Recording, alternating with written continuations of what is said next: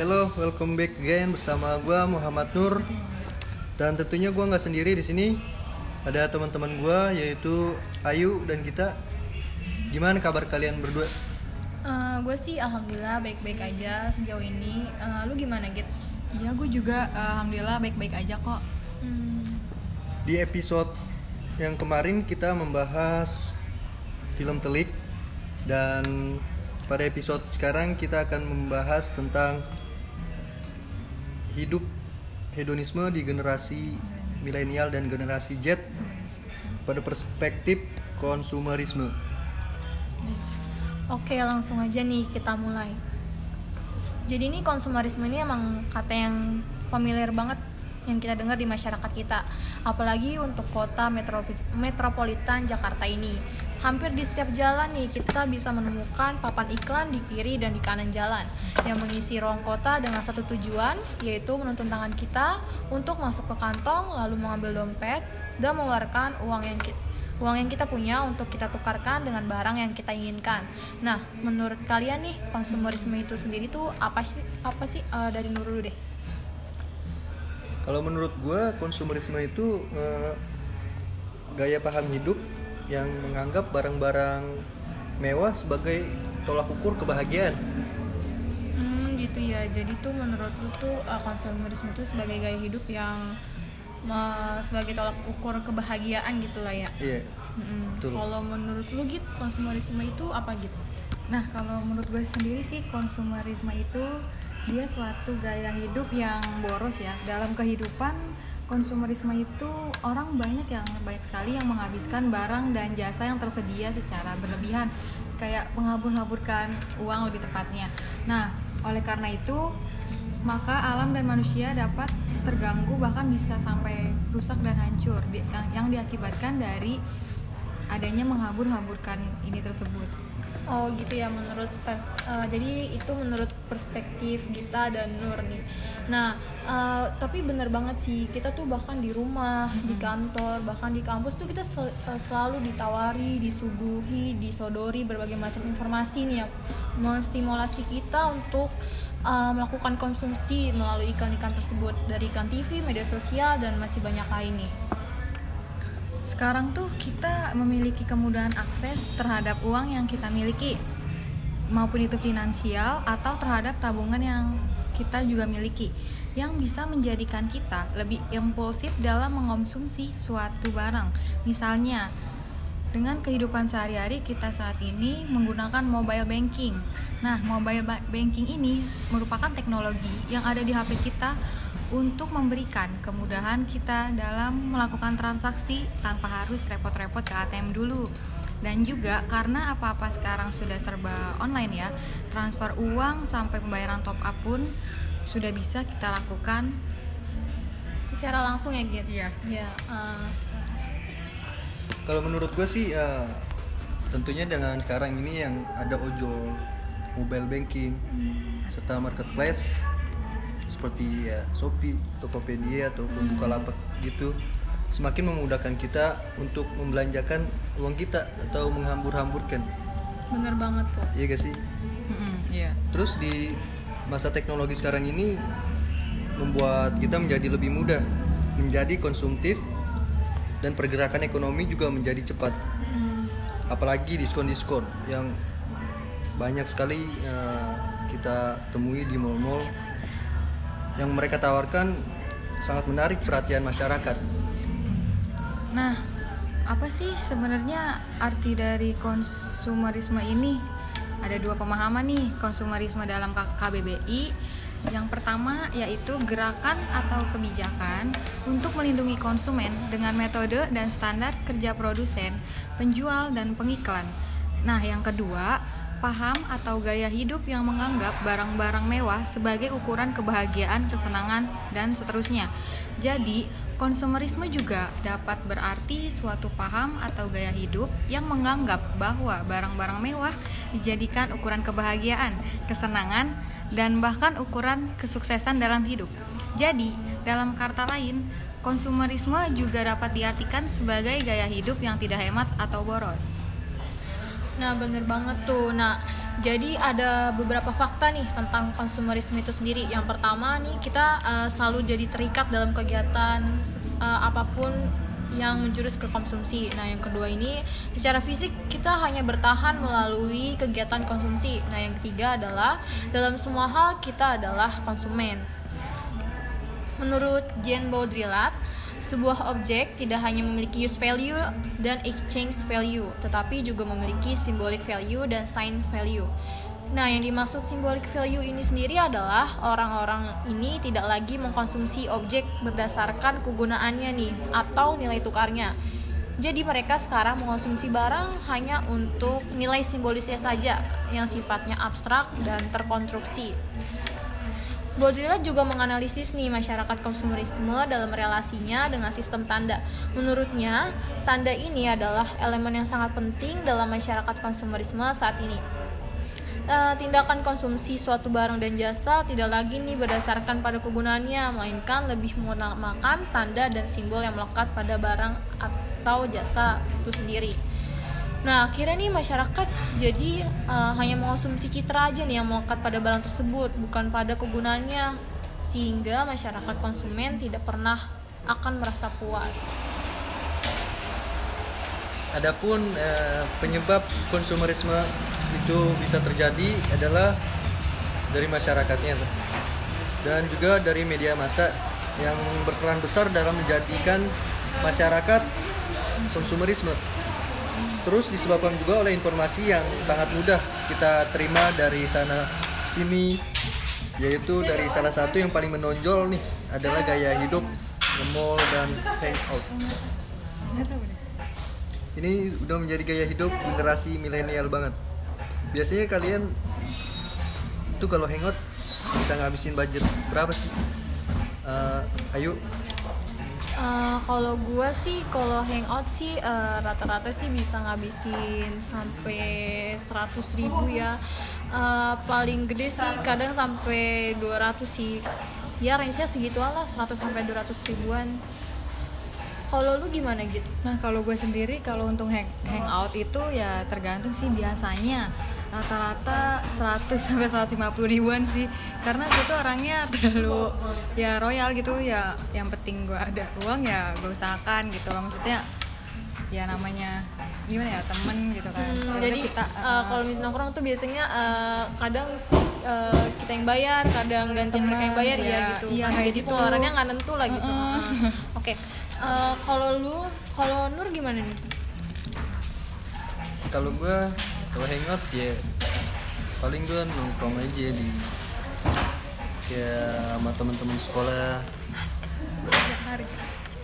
Kalau Iya temen-temen sekolah sih biasanya gue kalau hangout gitu.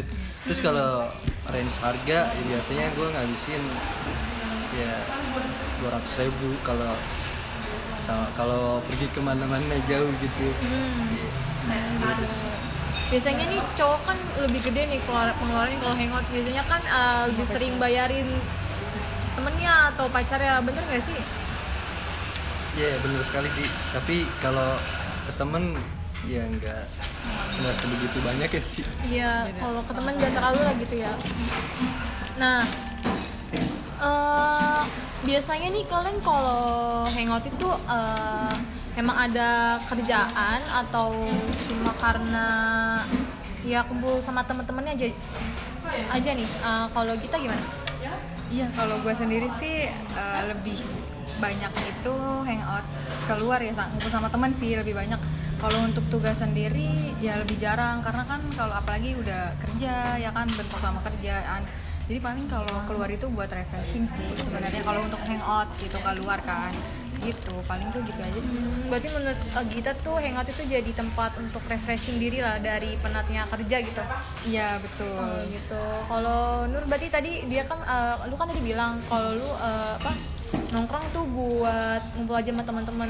Uh, tapi lu pernah gak sih kayak maksudnya lu lebih sering ngumpul sama teman-teman lu atau karena kerjaan gue sering ngabisin bersama temen-temen gue sih karena ya di luar dari kerjaan pusing juga kan ya ngapain hangout terus ada kerjaan tapi kayaknya seru juga tuh kalau hangout sambil kerja kayak gitu sambil survive ke sana sini Hmm, gitu berarti lu lebih sering hangout untuk eh, sama teman-teman lu ya kumpul-kumpul gitu ya Nur ya? Iya sih lebih betul lagi gitu. Hmm, gitu. Oke. Selanjutnya gaya selanjutnya gaya hidup gaya hidup merupakan terjadinya pergeseran tingkah laku dan pola pikir yang lebih konsumerisme. Media massa juga mengubah standar hidup layak masyarakat kita di mana suatu media itu sangat berpengaruh besar terhadap kepuasan masyarakat. Nah, kondisi ini tuh sangat berkaitan dengan perasaan senang masyarakat ketika mereka sendiri merasa sudah cukup. Dan ketika mereka tidak bisa mengikuti standar kelayakan hidup masyarakat modern saat ini, kepercayaan diri mereka menjadi mengecil karena merasa lebih rendah dari yang lain. Nah ini biasanya nih eh, kalau tadi kan kita kan kita kan udah ngasih tau nih kalau gaya hidup eh, konsumerisme ini terjadi karena pergeseran tingkah laku sama pola pikir nih pola pikir kita tuh sudah bergeser lah kepada eh, standar kehidupan layak masyarakat kita. Nah eh, biasanya nih yang sering sekarang kan biasanya eh, tadi kan kita udah ngomongin hangout nih. Nah sekarang nih kita mau ngomongin nih eh, fenomena nge-mall nih. Kalian tuh termasuk orang yang sering ngelakuin gaya hidup nge-mall ini gak sih? Eh, lu dulu Nur boleh? Kalau gua enggak ya. Karena gua gua eh, toko di pinggir jalan ataupun store-store yang di pinggir jalan gitu bagi gua nih laki-laki ya bagus nggak kalah saing sama yang di mall-mall. Gitu. Gitu. Eh, biasanya cowok tuh eh, lebih sering belanja baju di distro. Kalau lu gimana Nur? iya sih gua pasti. Tapi gua lihat-lihat dulu bah distronya. Distro tersebutnya bagus atau enggak bahannya kayak gimana ya kalau cocok ya gue beli. Hmm, gitu. Oke kalau lu nih Git, lu sering gak sih nge-mall nih gitu Oh, kalau untuk nge-mall sih gue jarang ya, karena menurut gue itu kalau nge-mall itu gue pergi beli sesuatu yang menurut gue kebutuhan aja sih, kayak belanja pakaian, kayak belanja skincare, kayak belanja ya yang sehari-hari dipakein lah, kebutuhan sehari-hari gitu sih lebih ke lebih kayak gitu gitu gue orang. berarti lu eh, termasuk yang jarang juga nge- nge-mall ya tapi kadang-kadang mungkin untuk belanja kehidupan gitu lah kebutuhan Iya, eh, paling sebulan itu bisa sekali gitu kali ya kalau ke mall. Nggak setiap minggu juga sih, karena kan lihat budgetnya juga gitu kan. gitu Mm-mm. berarti eh, dari pengeluaran lu ini lu selalu menyisihkan untuk kegiatan nge-mall ini ya gitu Iya, selalu menyisihkan sedikit dari hasil apa yang gue kerjain gitu sih. Hmm, Oke deh, eh, selanjutnya nih gue mau ngebahas nih eh, tentang kan sekarang nih lagi enggak sih. Oke nih, selanjutnya kita eh, bakal bahas nih tentang barang yang diskon nih. Nah, kalian tuh termasuk orang yang suka nggak sih sama barang atau makanan diskonan? Kan kita tahu nih sekarang tren diskon tuh lagi naik banget nih, apalagi nih kalau kalian punya Shopee nih setiap menit, setiap detik pasti ada aja notif tentang diskon di Shopee, entah diskon ongkir atau diskon potongan harga gitu kan. Nah, kalau kalian ini lebih prefer makanan yang diskon atau barang sih yang diskon? Eh, mulai dari Nur dulu. kalau gue sih lebih baik pakaian yang diskon karena apa ya, Kenapa Nur? banyak variannya Hmm. banyak yang bisa kita lihat-lihat juga Mm-mm. Uh, banyak tipe-tipenya juga kalau makanan gue gue kurang kurang gimana gitu kalau di diskon ini karena uh, di warteg ataupun di pinggir jalan pinggir jalan juga ya gue nggak masalah Hmm, gitu. Terus juga kalau misalnya pakaian tuh lebih bisa dipakai lama kan. Maksudnya kan kalau makan kan ya udah hari itu Habis, hari itu pasti habis gitu kan. Nah, kalau lu gitu gimana gitu? Nah kalau gue sih lebih ke makanan ya. Soalnya kan kalau gue tuh tipe kalau orangnya yang suka makan gitu Ke mana-mana tuh harus kulineran gitu loh. Kalau barang tuh gue jarang sih kalau le- lebih tertariknya jarang. Tapi gue lebih ke makanan gitu loh kalau gue. Soalnya kan sekarang tuh banyak ya kayak fast food atau di sekarang kan gampang pakai Gojek atau Grab gitu sekarang udah banyak banget promo-promonya gitu kan jadi gue lebih ke situ sih Hmm, gitu ya gitu. Eh, berarti ini lu kalau misalnya ngelihat promo-promo barang eh, makanan itu tuh di mana di Gojek ya, di Grab atau di tempat lain? Iya, gue kalau makanan gitu di Gojek atau di Grab, soalnya dia selalu memikat customer tuh dengan apa? Dengan diskon-diskon kayak 50% gitu kadang. Jadi ya gue tertarik gitu buat beli di situ sih. Gue kadang setiap hari sih hampir beli apa Gojek atau Grab gitu sama orang-orang kantor gue juga gitu kan. Karena kan gue kerja kan. Jadi makan siangnya ya udah deh yang simple ya udah grab atau gojek aja. Dan mumpung juga lagi ada promo sekarang juga udah mulai ada shopee food dan segala macam sih. Jadi udah serba gampang lah gitu. Hmm, berarti lu nih termasuk orang yang sering juga nih make uh, GoFood sama Go uh, sama GrabFood gitu ya untuk makan siang lu nih. iya gue lebih prefer sih ke gojek atau grab gitu kalau lebih untuk makan siang sehari-hari. Biasanya sih uh, lu bang- ngabisin sampai berapa sih untuk makan siang itu di Grab atau GoFood nih? 150 ribuan gitu kalau misalkan itu udah ya rame-rame sih soalnya kan ada potongan juga gitu dari harga 300 jadi 150 kayak gitu. Jadi diskon ini tuh emang kelihatan menarik banget lah buat lu dan sama teman-teman kantor lu itu ya. iya iya betul menarik banget Oke deh. eh, emang nih kalau fenomena diskon ini emang nggak bisa kita pungkirin emang menarik mata masyarakat kita sih untuk menjadi lebih konsumtif lagi nih, apalagi dari promo gratis ongkir yang eh, dan juga promo potongan harga yang tadi kita bilang kan. Nah, gue juga dulu juga lumayan sering beli sih tapi gue dulu lebih sering beli barang sih di shopee itu biasanya kalau yang lucu-lucu gitu kan gue beli nah apalagi kalau misalnya barang itu diskon gitu kan kadang Iya. tuh dulu gue sering banget nggak apa ya nggak nggak lihat dulu nih kegunaannya nih eh, sebenarnya tuh eh, berguna nggak sih buat gue kadang karena saking lucunya gue beli aja gitu. Padahal mah akhirnya di rumah ya nggak kepake. iya bener banget.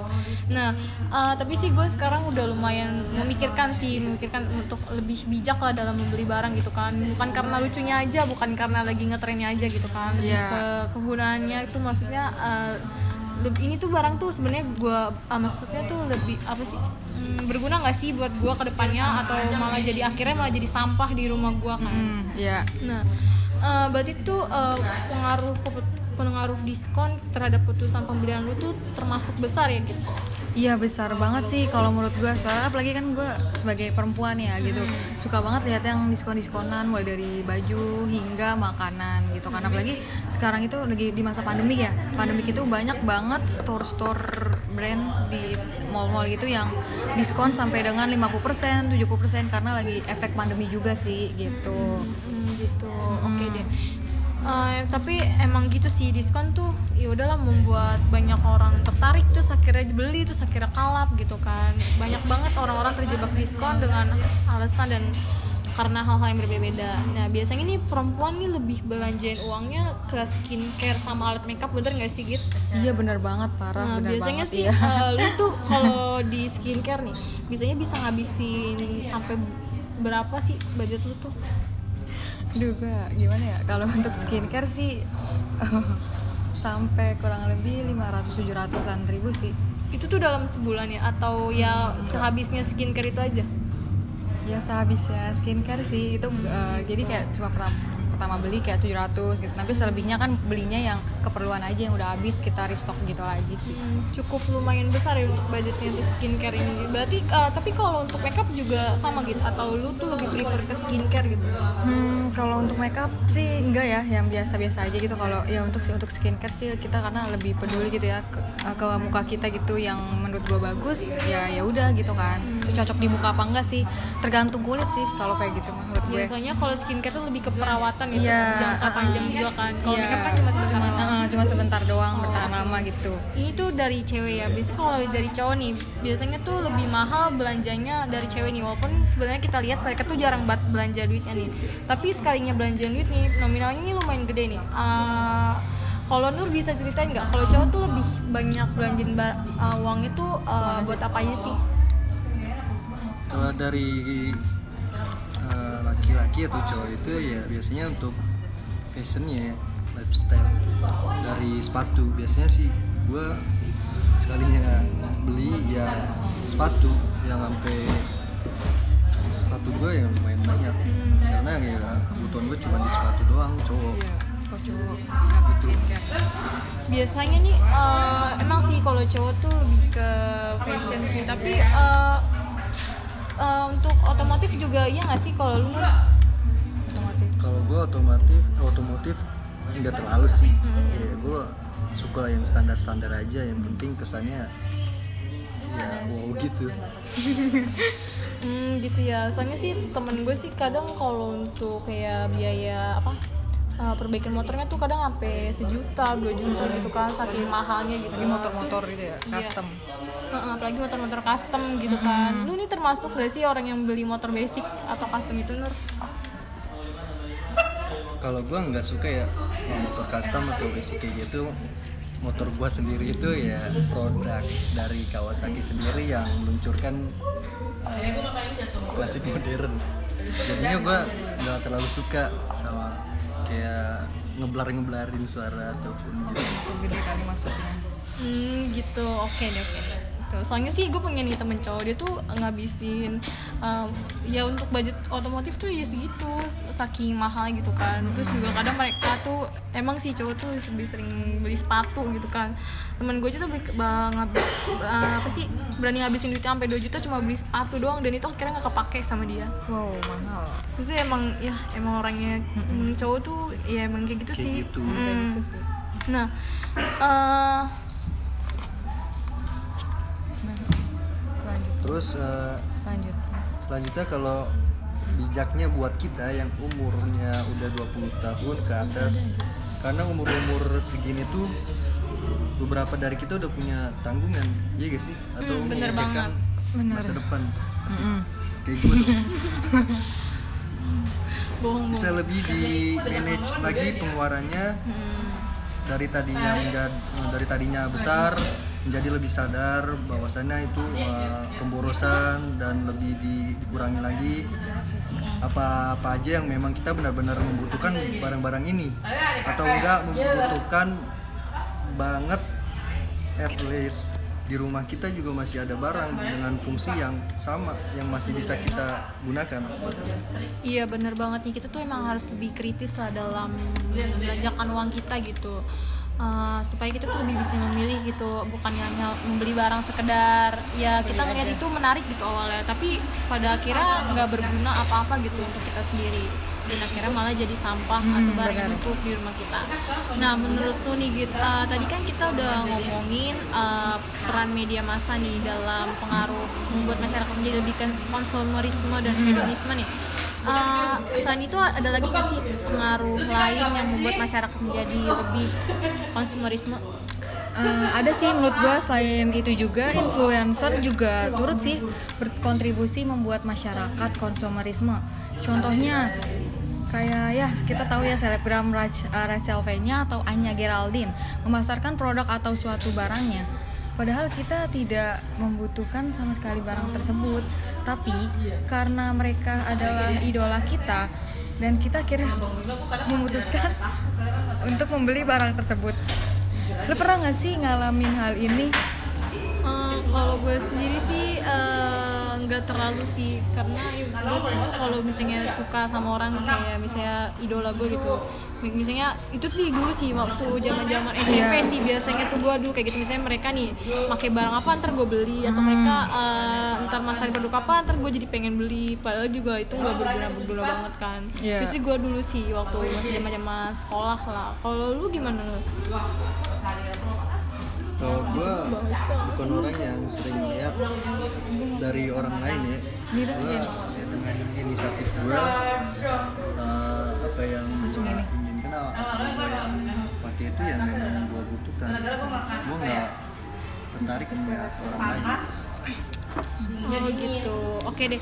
Nah, eh, tapi eh, memang endorsement ini tuh lewat influencer tuh emang paling Efektif. efektif lah dalam cara pemasaran mereka untuk bagi untuk generasi milenial-. Biasanya kan kalau generasi milenial sama generasi Z kan kalau misalnya melihat idola mereka nih menggunakan sesuatu atau apa mereka tuh Langsung jadi ingin dibeli. mengikuti gitu kan. Iya, langsung dibeli, Langsung beli. gitu kan. Yang terjadi di masyarakat kita tuh yang sekarang ya kayak seperti itu gitu kan. Nah, kalian ini pasti eh, kalau misalnya kita ngomong Hedon. konsumerisme pasti kita nggak bak- eh, nggak bakal bisa ngomong nggak bakal apa sih kayak pasti kita bakal ngomongin tentang hedon lah gitu kan. Jadi ini kata-kata yang sering banget kita temui di keseharian kita. Misalnya aja nih kan kita bisa lihat fenomena hedon di sekitar kita. Yaitu kita ketika eh, kita lihat nih teman kita beli sesuatu yang berlebihan banget cuma buat menusa- me- buat muasin nih kesenangan kesenangan masa saatnya gitu. Nah menurut lu sendiri nih Nur eh, hedonisme itu apa sih? Kalau bicara tentang hedonisme, hedonisme itu eh, di- mencari kesenangan ya dan kebahagiaan sebanyak mungkin. Karena kesenangan itu sendiri bisa didapatkan melalui banyak cara. Contohnya ya kayak menikmati liburan, memakai pakaian ataupun party. Benar gak sih? Hmm, Iya bener benar-benar banget. Terus hedonisme ini sendiri tentunya dampak dari globalisasi yang negatif yang menggambarkan kehidupan eh, individu serta perilaku di depan publik agar supaya membedakan status individu tersebut dari orang lain. Terus juga biasanya kayak hidup hedonisme ini lebih mementingkan penampilan fisik, berharap dengan tampilannya kayak glamor atau menimbulkan kesan kayak modern serta prestisius. Uh, terus juga ada sebagian masyarakat uh, menilai hedonisme itu sebagai perilaku konsumtif dan konsumerisme. Tentunya pasti uh, ada dampak buruknya dan ada beberapa faktornya tentunya, iya gak sih? Iya. Uh, di sini gua mau tahu uh, pandangan ataupun dampak buruknya dari Ayu gimana yuk? Eh, kalau menurut gue sendiri sih dampak buruk dari hedonisme ini eh, ada beberapa ya yaitu yang pertama ada nih eh, beberapa faktor nih eh, terjadinya bisa, eh, bisa terjadinya hedonisme. Nah yang pertama ini biasanya kita dari kecil terlalu dimanja nih sama orang tua kita terus diberikan fasilitas yang memadai gitu kan dan kita tuh apa yang pengen ya apa yang kita pengen ini selalu kita dapetin dari orang tua gitu kan tanpa memperdulikan nih sebenarnya kita tuh butuh atau enggak. Kita di, udah dididik da- dari kecil sama orang tua kita tuh udah seperti itu. Nah yang kedua bisa jadi kayak yang tadi kita omongin yaitu pengaruh influencer. Nah eh, ada aja gitu rasa pengen beli atau pengen memiliki barang yang mereka pasarkan atau yang mereka kenakan gitu. Padahal tuh kita nggak butuh gitu kan barang itu karena mereka Iya, idola betul. kita aja gitu. Jadi kita pengen lah sama seperti dia gitu kan. Kadang malah kita eh, sampai nggak sanggup gitu untuk bayar eh, apa eh, untuk bayar suatu barang yang mereka pasarkan gitu kan. Nah sehingga jadi memaksakan kita untuk jadi hutang sana sini gitu kan. Iya, betul. nah pergaulan nah yang ketiga ini adalah pergaulan. Pergaulan tuh memang berdampak besar banget dalam membuat masyarakat menjadi hedonisme kan gitu. Nah biasanya nih eh, circle ini emang sangat berpengaruh sama kita. Biasanya bergaul dengan orang-orang yang memiliki standar hidup mewah membuat kita menjadi mengikuti standar hidup mereka gitu kan. Eh, memiliki barang bermerek eh, terus jik- kalau misalnya kita nggak punya nih barang-barang yang seperti mereka kita tuh jadi ngerasa minder gitu kan. Kita merasa nggak sepadan lah sama mereka gitu. Akhirnya kita jadi mengikuti pola hidup mereka dan kita rela menghabiskan uang untuk membeli barang yang mereka miliki gitu kan. Nah eh, ada nih cara-cara untuk menghindari hedonisme itu sendiri. Eh, menurut eh, coba dari kita gimana caranya gitu Nah, selanjutnya gimana sih cara menghindari hedonisme? Nah, hedon itu dapat mengarah kepada perilaku konsumtif. Tentunya menjadi kebiasaan hidup yang dapat merusak keuangan kita nih. Memang ya, gaya hidup itu sudah melengkap di kalangan generasi milenial atau generasi Z. Contohnya seperti gajiannya, uang jajannya yang habis buat nongkrong di kafe, beli kopi, jalan-jalan dan perilaku konsumtif lainnya tanpa memiliki tabungan maupun investasi. Apalagi tabungan dan investasi ini sangat penting buat kita di jangka panjangnya buat ke depannya ya kan. Apalagi kita masih generasi milenial gini kan butuh ke depannya gimana sih eh, buat masa depan kita gitu kan diatur keuangannya. Dan yang kedua itu dapat membuat daftar kebutuhan apa aja sih kebutuhan yang kita pentingin gitu kan dan kita bisa mengolah mana yang penting, mana yang enggak, mana yang sesuai kebutuhan kita sehari-hari, mana yang enggak. Yang ketiga itu beramal dan bersedekah. Pastinya semua orang ini pengen lah ber- bersedekah sama beramal untuk kebaikan nantinya di akhirat gitu sih kalau gua.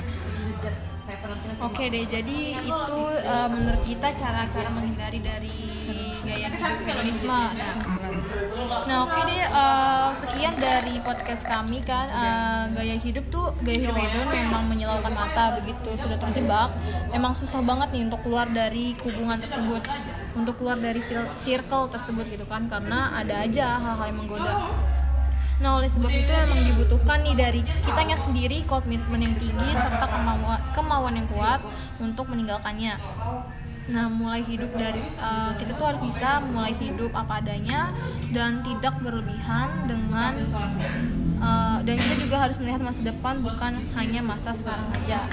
Iya, oke. Nah, Oke deh, uh, sekian dari podcast kami. Uh, kurang lebihnya mohon maaf nih. Uh, jadi uh, untuk Nah untuk uh, untuk episode ini uh, gua uh, gua Ayu dan Nur dan temen gue kita uh, mohon maaf kalau misalnya ada kesalahan Iya. ada kesalahan kesalahan kata Mm. oke Oke. sekian dari podcast kami bye bye Bye bye.